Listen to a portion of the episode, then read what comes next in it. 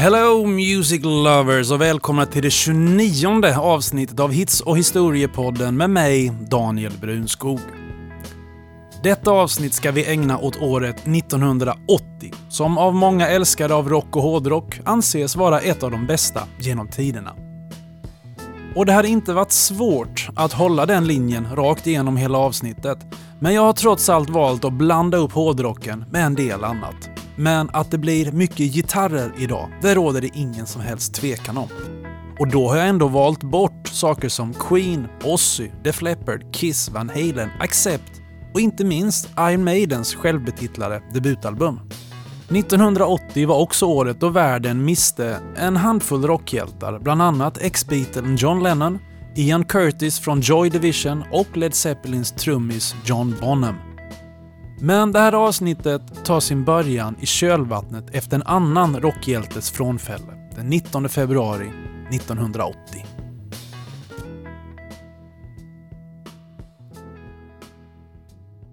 ACDC hade just påbörjat arbetet med att skriva låtar till sitt kommande album, uppföljaren till den stora framgången med Highway to Hell, när tragedin drabbade bandet. Efter en festkväll i London så blev bandets sångare Bon Scott skjutsad hem av en vän, Alistair Kinnear. Men när Kinnear väl kommit fram till Scotts lägenhet hade Scott däckat i bilen och Kinnear lyckades inte väcka honom. Så han tog beslutet att låta Scott sova vidare i bilen istället för att försöka bära honom in i lägenheten. Och själv gick han in och la sig i sångarens lägenhet. Följande morgon hittades Scott avliden i bilen, död på grund av akut alkoholförgiftning.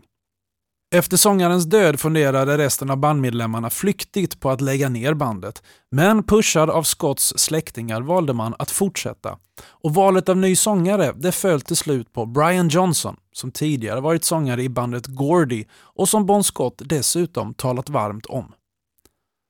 Den 1 april presenterades Johnson officiellt som bandets nya sångare och han kastades omedelbart in i processen att skriva bandets nya låtar. Och den första han fick sätta tänderna i var en låt där musiken och titeln redan var klar, men låten behövde en text. Titeln på låten var “You shook me all night long”.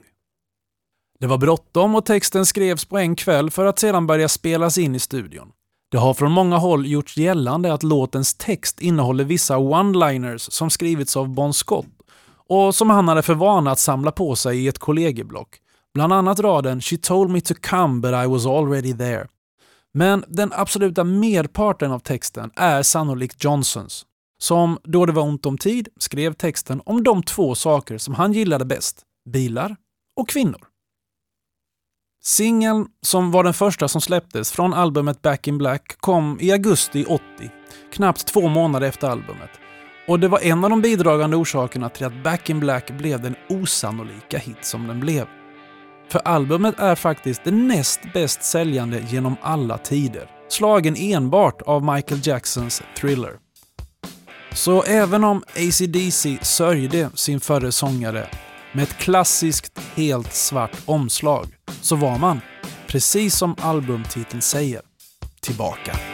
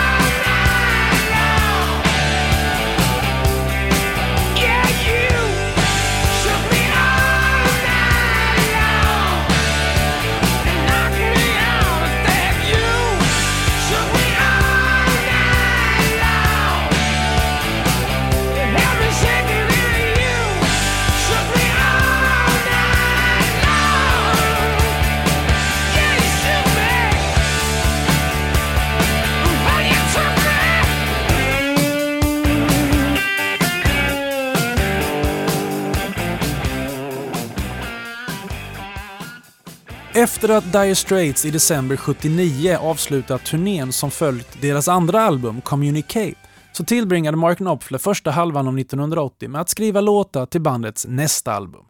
I samma veva så fick man Grammys för Best New Artist, Best Rock Vocal Performance by Duo or Group för låten Sultans of Swing från gruppens självbetitlade debutalbum som hade kommit 1978. Men allt var långt ifrån frid och fröjd i bandet, då Mark och hans bror David, som spelade gitarr och keyboards, ständigt var i luven på varandra. Under våren kontaktade Mark producenten Jimmy Iovine efter att ha hört dennes arbete på låten Because the Night med Patti Smith. En låt som dök upp i avsnitt 21 om 1978 i den här poddserien. Iovine hade också arbetat med Springsteens Born to Run och Darkness on the Edge of Town-album och Iovine tackade ja till att producera det kommande albumet för Dire Straits och dessutom tog han med sig Springsteens E Street Band-keyboardist Roy Bitten för att spela på inspelningarna. Albumet, som kom att få namnet Making Movies, spelades in på Power Station i New York under sommaren 80.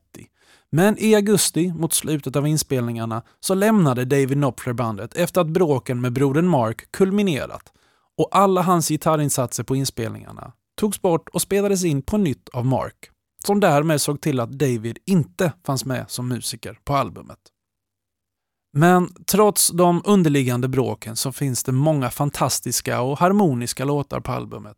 Och jag har valt den som blev den mest framgångsrika singeln, nämligen Romeo and Juliet. Texten handlar om de två älskarna i titeln och antyder en situation där Juliet överger sin Romeo efter att ha nått berömmelse på egen hand och gått vidare. Förutom hänvisningarna till Shakespeares pjäs med samma namn och en lekfull nickning till låten Somewhere från musikalen West Side Story, som ju också i sig är baserad på Shakespeares pjäs, så inspirerades texten av hans egen misslyckade relation med Holly Vincent, sångare i det kortlivade bandet Holly and the Italians. Och Knopfler har vid flera tillfällen antytt att hon bara var med honom för att få fart på sin egen karriär, vilket också lyser igenom i låtens text. Gitarren som Knopfler spelar på i låten är en så kallad resonatorgitarr, vilket är en gitarr med en resonanslåda som är delvis byggd av metall, vilket ger den det speciella soundet. Det är för övrigt exakt samma gitarr som senare dök upp på omslaget till bandets succéalbum Brothers in Arms 1985. Men nu håller vi oss kvar i 1980 och lyssnar på Dire Straits alldeles underbara låt Romeo and Juliet. A love struck Romeo, sing the streets a serenade, laying everybody low with a love song that he made. Find the streetlight, steps out of the shade, says something like,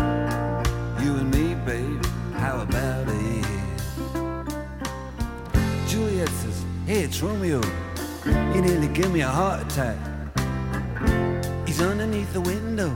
She's singing, Eli, my boyfriend's back. You shouldn't come around here singing up at people like that. Anyway, what you gonna do about it? Juliet, the dice was loaded from the start, and I bet, and you exploded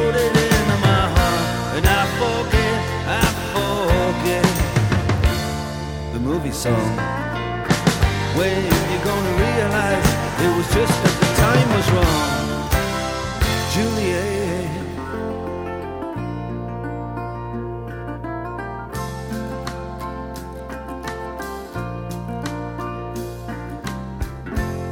Come up on different streets, they both were streets of shame. Both dirty, both mean. Yes, and the dream was just the same. And I dreamed your dream for you, and now your dream is real. How can you look at me as if I was just another one of your deals? When you can fall for chains of silver, you can fall for chains of gold. You can fall for pretty strangers, and the promises they hold. You promised me everything. You promised me thick and thin, yeah. Say, oh, Romeo, yeah. You know, I used to have a scene with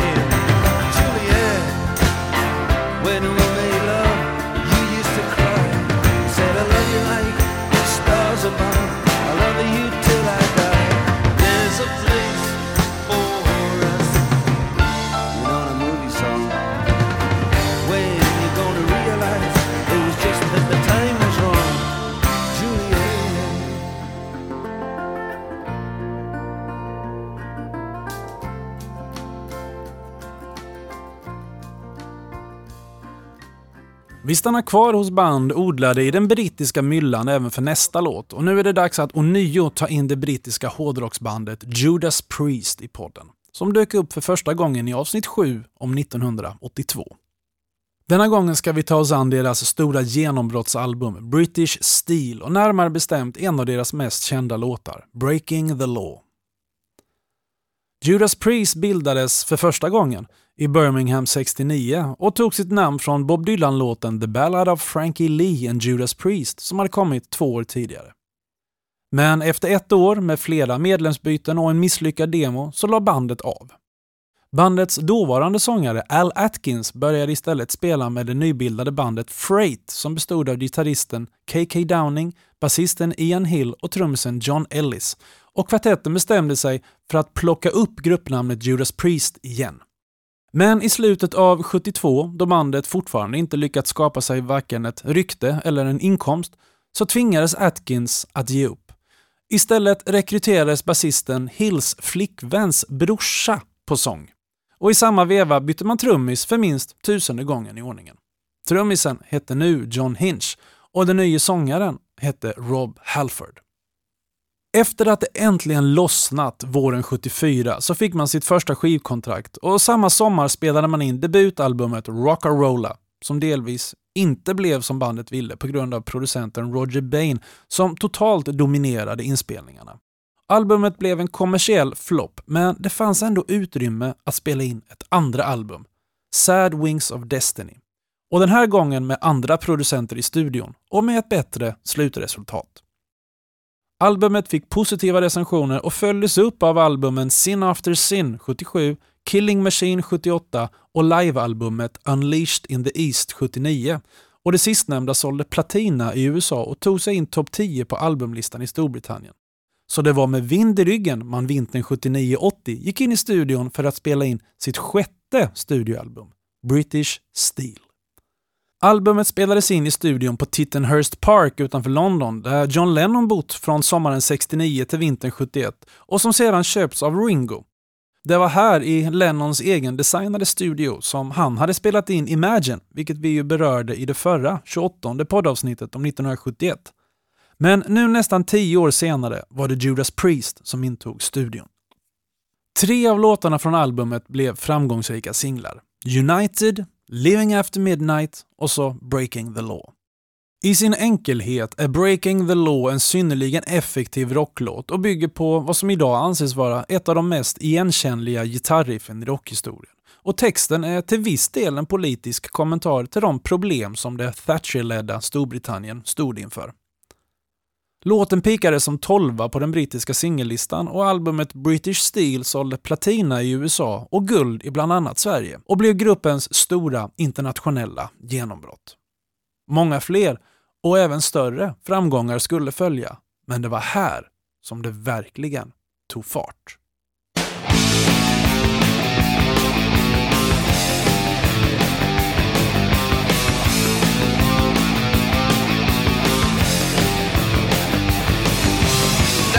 was completely wasting.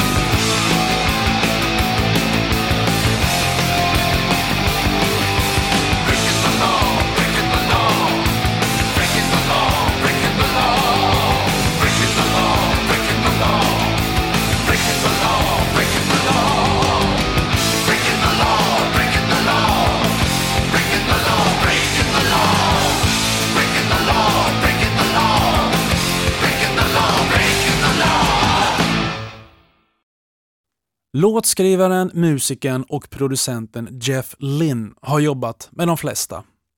Hans band Electric Light Orchestra, som sedermera kortade ner namnet till ELO och som vi plockade upp i podden i det 18 avsnittet som handlade om året 81, var otroligt framgångsrikt under den andra halvan av 70 och i början av 80-talet. Men snart beslöt sig Lynn för att även börja producera och skriva åt andra artister, som exempelvis Dave Edmonds, George Harrison, Brian Wilson, Tom Petty, Roy Orbison och inte minst Traveling Wilburys där han såklart även var en del av bandet. Istället för att turnera med Elos senaste album Discovery i ryggen så valde Lynn istället att engagera sig i filmmusik till en film med Olivia Newton-John i huvudrollen och som skulle dyka upp 1980. Och det är låten som delar namn med filmen som dyker upp härnäst i podden, nämligen Xanadu. Låten skrevs av Lynn och singeln som sjöngs av filmens huvudrollsinnehavare var ett mycket stort steg bort från Elos vanliga sound och många fans blev upprörda över gruppens resa in i diskoträsket när singeln släpptes tre veckor före soundtrackalbumet, vilket i sin tur kom två månader innan filmen. Ordet Sanadu dök upp i dikten Kubla Khan av Samuel Taylor Coleridge från 1816. Samme Coleridge vars dikt The Rime of the Ancient Mariner låg bakom Iron Maidens låt med samma namn på albumet Power Slave från 1984.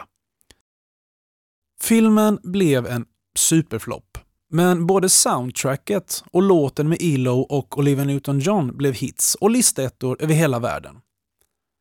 För ELO så innebar albumet tillsammans med sin föregångare Discovery gruppens kommersiella peak, medan låten och albumet för Olivia Newton-John innebar en frigörelse från Sandy i filmmusikalen Grease och ett avstamp in i en mycket framgångsrik period som följdes upp av singeln och albumet Physical som kom att bli en ännu större hit. Men nu är det 1980 som gäller och då nöjer vi oss utan problem med Xanadu.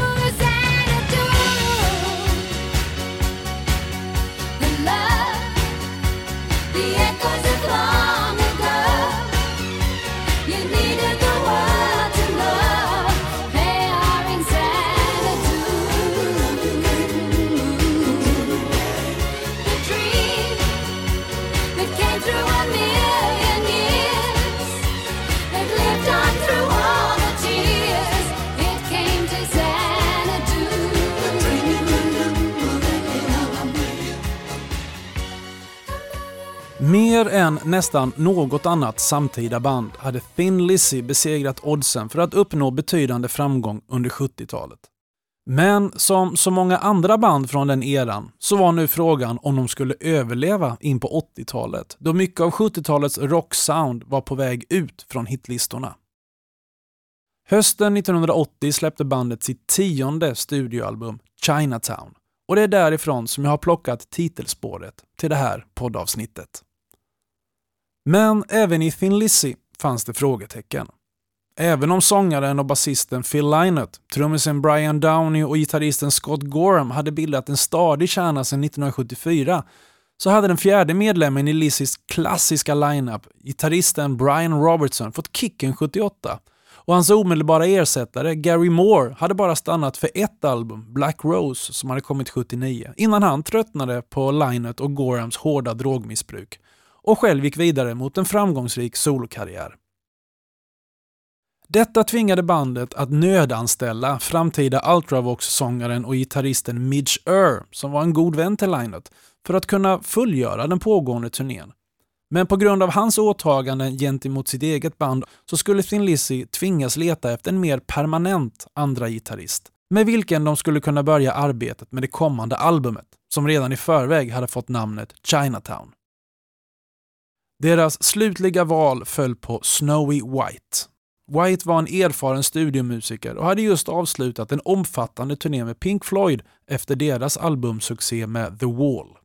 Ett annat, eh, vid tidpunkten inofficiellt tillskott till bandet var den 17-årige keyboardisten Darren Wharton. Och när våren 1980 förvandlades till sommar så var det den här uppsättningen av Thin Lizzy som var upptagna med att lära känna varandra och testa nytt material i samband med livespelningar parallellt som man började spela in de nya låtarna i studion. Låten Chinatown, som delade namn med det nya albumet, var den första av tre singlar som kom att släppas och den emottogs ungefär som den brukade på hitlistorna där den pikade som 12 hemma på Irland och 21 på singles charts i Storbritannien men inte gjorde något intryck alls på Billboardlistan. Albumet fick blandad men överlag sval kritik och det är så här i efterhand tydligt att se att det var nu som bandets nedgång, både kvalitetsmässigt och för Phil Lynott också hälsomässigt, började bli tydlig. Men det finns guldkorn på Chinatown och ett av dem är absolut titelspåret.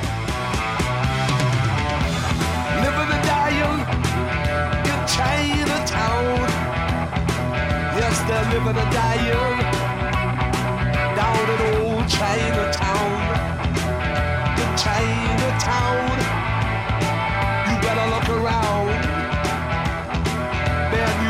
Stand a chance if you go down in Chinatown. Man, you don't stand a chance if you go down in Chinatown. Laughing and crying. You know it's a fact. They're not laughing, they are crying, cause they won't be back. Oh no, you don't from Chinatown. Man, you don't stand a chance if you go down in Chinatown. Man, you don't stand a chance if you go down in Chinatown.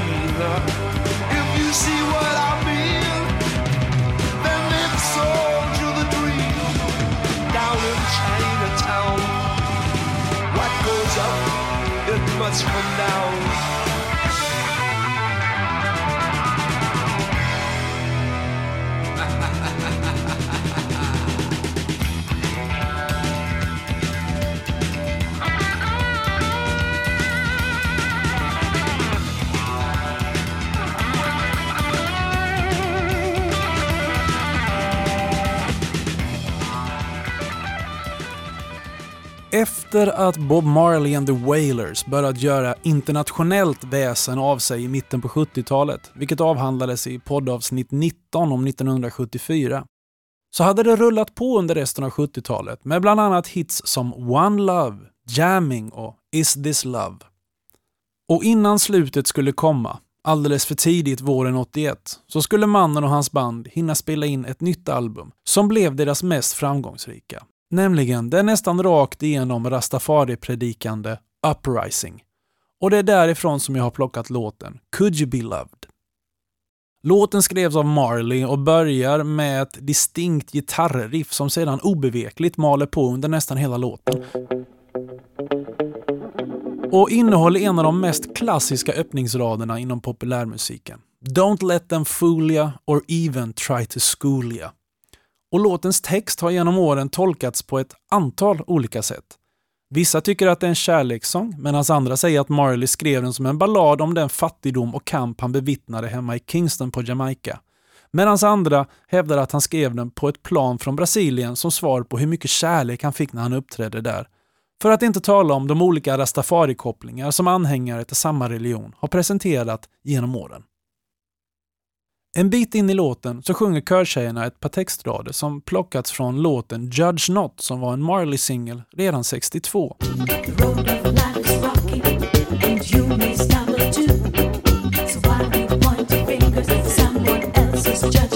Vilket anses vara en antydan till den ambivalens Marley kände inför kändisskapet och saker som snabba pengar och kvinnor som oundvikligen följt i kölvattnet. Marley skrev Could You Be Loved med hitpotential i åtanke. Han ville slå sig in ordentligt på den amerikanska radiomarknaden inför den stora turnén som väntade i landet och tänkte att hans reggae-musik kanske skulle funka bättre om han snabbade upp tempot lite så att det blev nästan disco. Och tricket funkade. Låten blev en hit på de vanliga radiostationerna och även på danslistorna och en av Marleys största hits i hela karriären. Tyvärr förlorade han till slut kampen mot cancer tre år senare. Men sommaren 1980 tillhörde till stor del Bob Marley.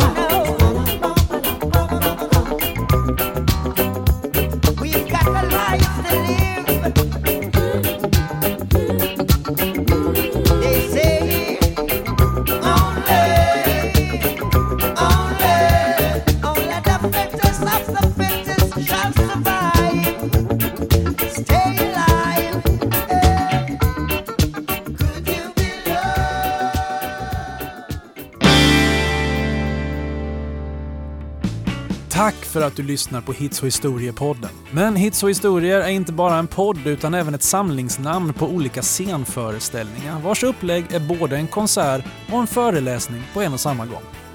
Precis som i podden blandas detaljerad fakta med roliga anekdoter och de medryckande hitlåtarna framförs live på scen av inte mindre än tio rutinerade sångare och musiker.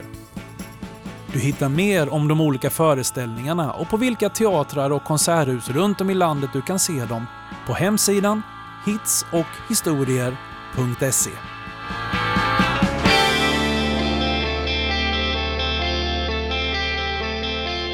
Ian Fraser Killmeister föddes på julafton 45 i Stoke-on-Trent som ligger, enkelt beskrivet, mitt i England. I skolan så märkte Lemmy för det var ett smeknamn som han fick tidigt i sitt liv.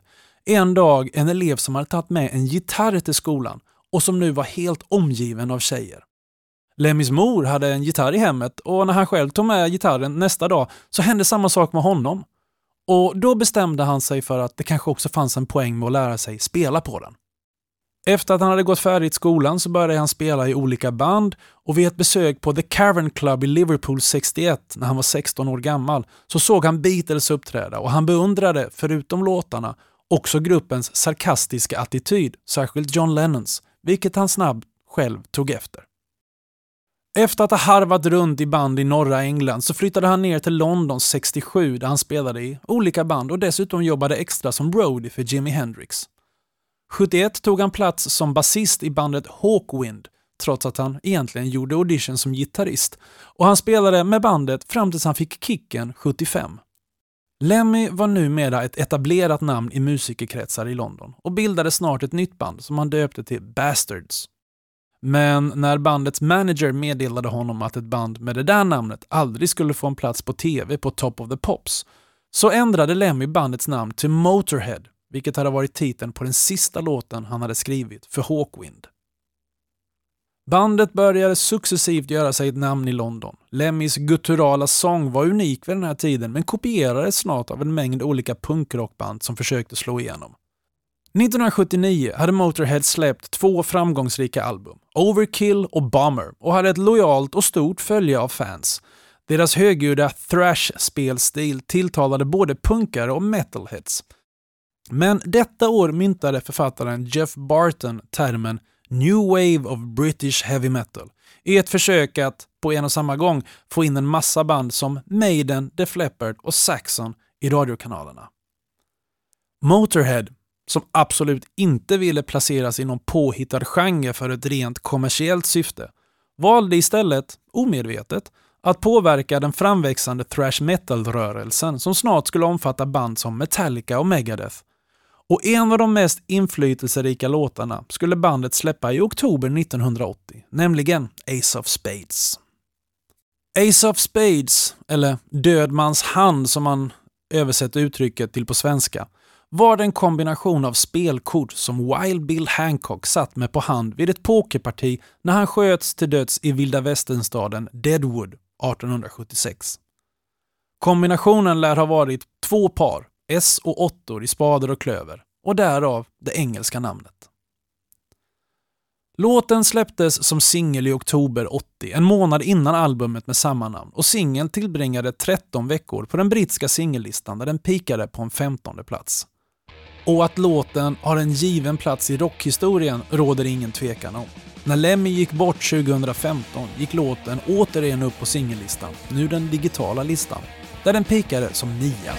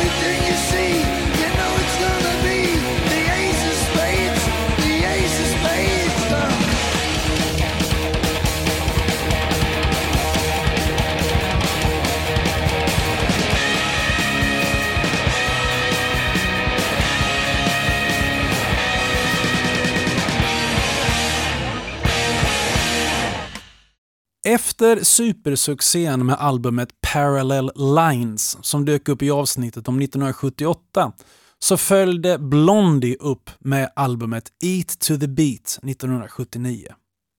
Men även om albumet fick bra recensioner, blev listetta i England och nådde en 17 plats på Billboard-listan så saknades de där hitsinglarna som hade funnits på Parallel Lines i form av Heart of Glass och One Way or Another och som hade legat till grund för den världsomspännande succén. Men nästa låt med Blondie skulle återigen ta gruppen upp till den absoluta toppen och den låten var Call Me. Musiken till låten var öronmärkt som theme song för filmen American Gigolo som kom samma år och komponerades av den italienske producenten och låtskrivaren Giorgio Moroder. Som fram tills då kanske mest var känd som låtskrivare åt Donna Summer. Och det var inte för inte som han hade erhållit epitetet “The Father of Disco”. Moroder hade ursprungligen velat ha Stevie Nicks från Fleetwood Mac på sång, men hon förhindrades på grund av ett nyligen undertecknat skivkontrakt med Modern Records. Moroder vände sig då till Blondies sångerska Debbie Harry. Han presenterade det instrumentala musikspåret och bad Debbie att skapa en melodi och en text som passade. Debbie valde att skriva texten ur perspektivet från den manlige prostituerade huvudrollsinnehavaren i filmen och Call Me färdigställdes på bara några timmar. Men allt flöt inte helt smidigt i studion. Blondie insisterade på att få spela instrumenten på inspelningen men Moroder tyckte att det inte funkade och anlitade sina egna studiomusiker istället, vilket inte uppskattades av bandet. Tanken hade ursprungligen varit att Moroder även skulle producera Blondies kommande album, men efter stridigheter i studion avböjde han vänligen men bestämt att jobba vidare med bandet och sa i efterhand att den största lärdomen från de här inspelningarna var att aldrig igen jobba med ett rockband. Men när singeln väl släpptes blev stämningen snabbt lite bättre då låten intog första platsen på Billboard Hot 100 där den stannade i sex veckor. Och även i Europa gick singeln bra på listorna. Och filmen blev en hit och de två höll varandra kvar i folks medvetande under större delen av året. Och då kanske det inte gjorde så mycket eller ens var så konstigt att det skar sig mellan The Father of Disco och ett av världens just då hetaste rockband.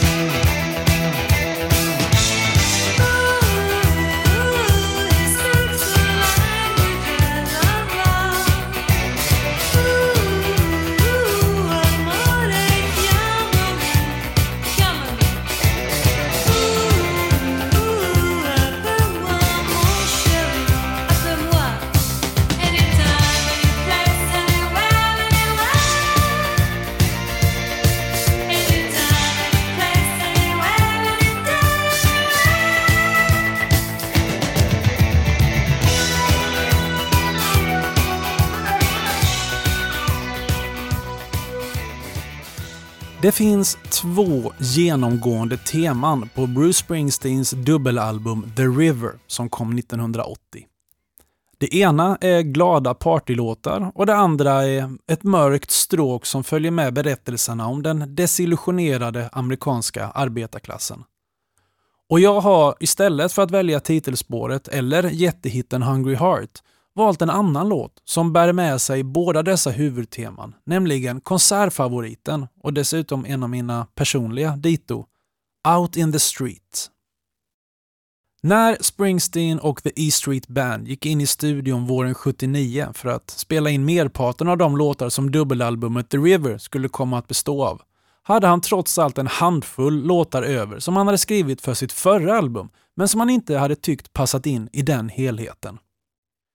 Springsteen var nu en av USAs mest lovande och för all del redan etablerade artister. Born to Run hade blivit hans stora genombrott 1975 och albumet Darkness on the Edge of Town som hade kommit 78 hade varit en värdig uppföljare med över 3 miljoner sålda ex, även om det egentligen bara var hälften av vad Born to Run hade sålt. Men nu var det dags att befästa platsen som rockens framtid och han gjorde det verkligen med albumet The River. Tillsammans med låtarna The Ties That Bind och Two Hearts så är låten Out in the Street en av låtarna på albumet som fokuserar på behovet av gemenskap.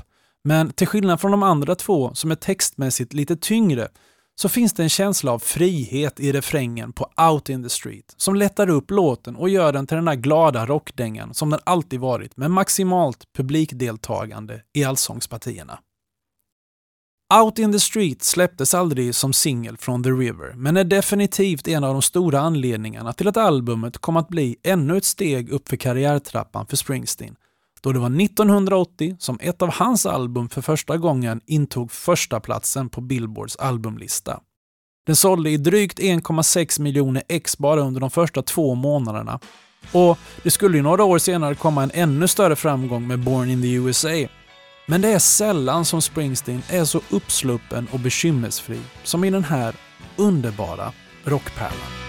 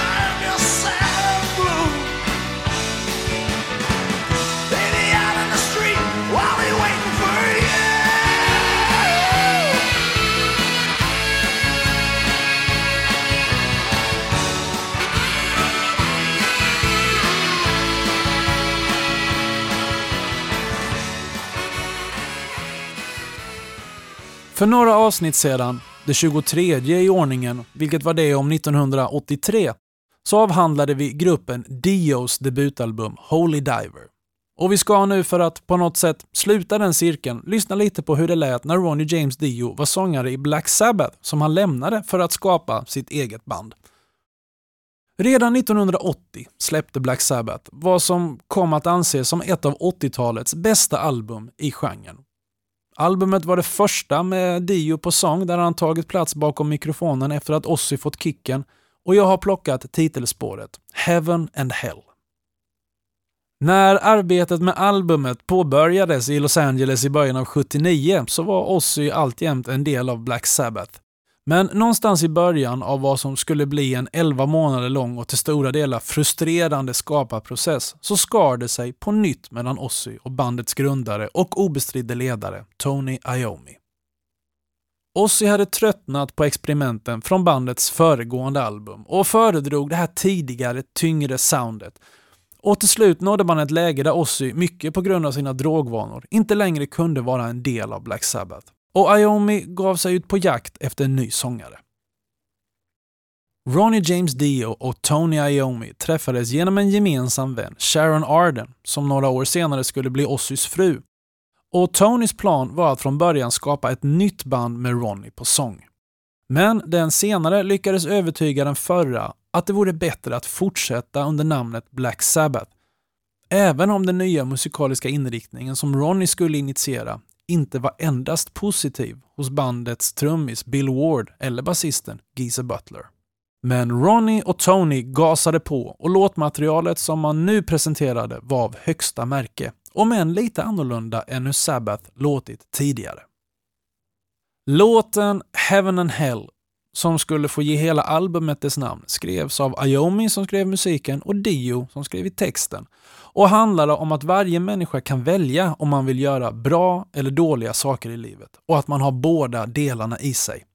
Och låten blev snabbt en vattendelare bland fansen, där en del föredrog Ozzy och Sabbats tidigare sound och en del det nya. Försäljningsmässigt var det dock en odiskutabel framgång, gruppens största sedan 1975 och albumet sålde bland annat platina i USA. På gott och ont hade dock Black Sabbath förändrats. Men inget ont som inte har något gott med sig. Heaven and hell, helt enkelt.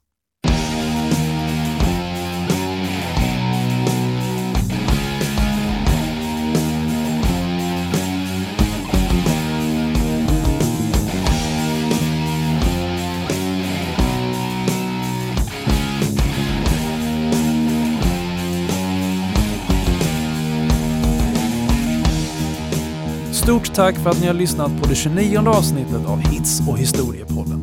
Vi hörs snart igen. Ha det gött. Hej!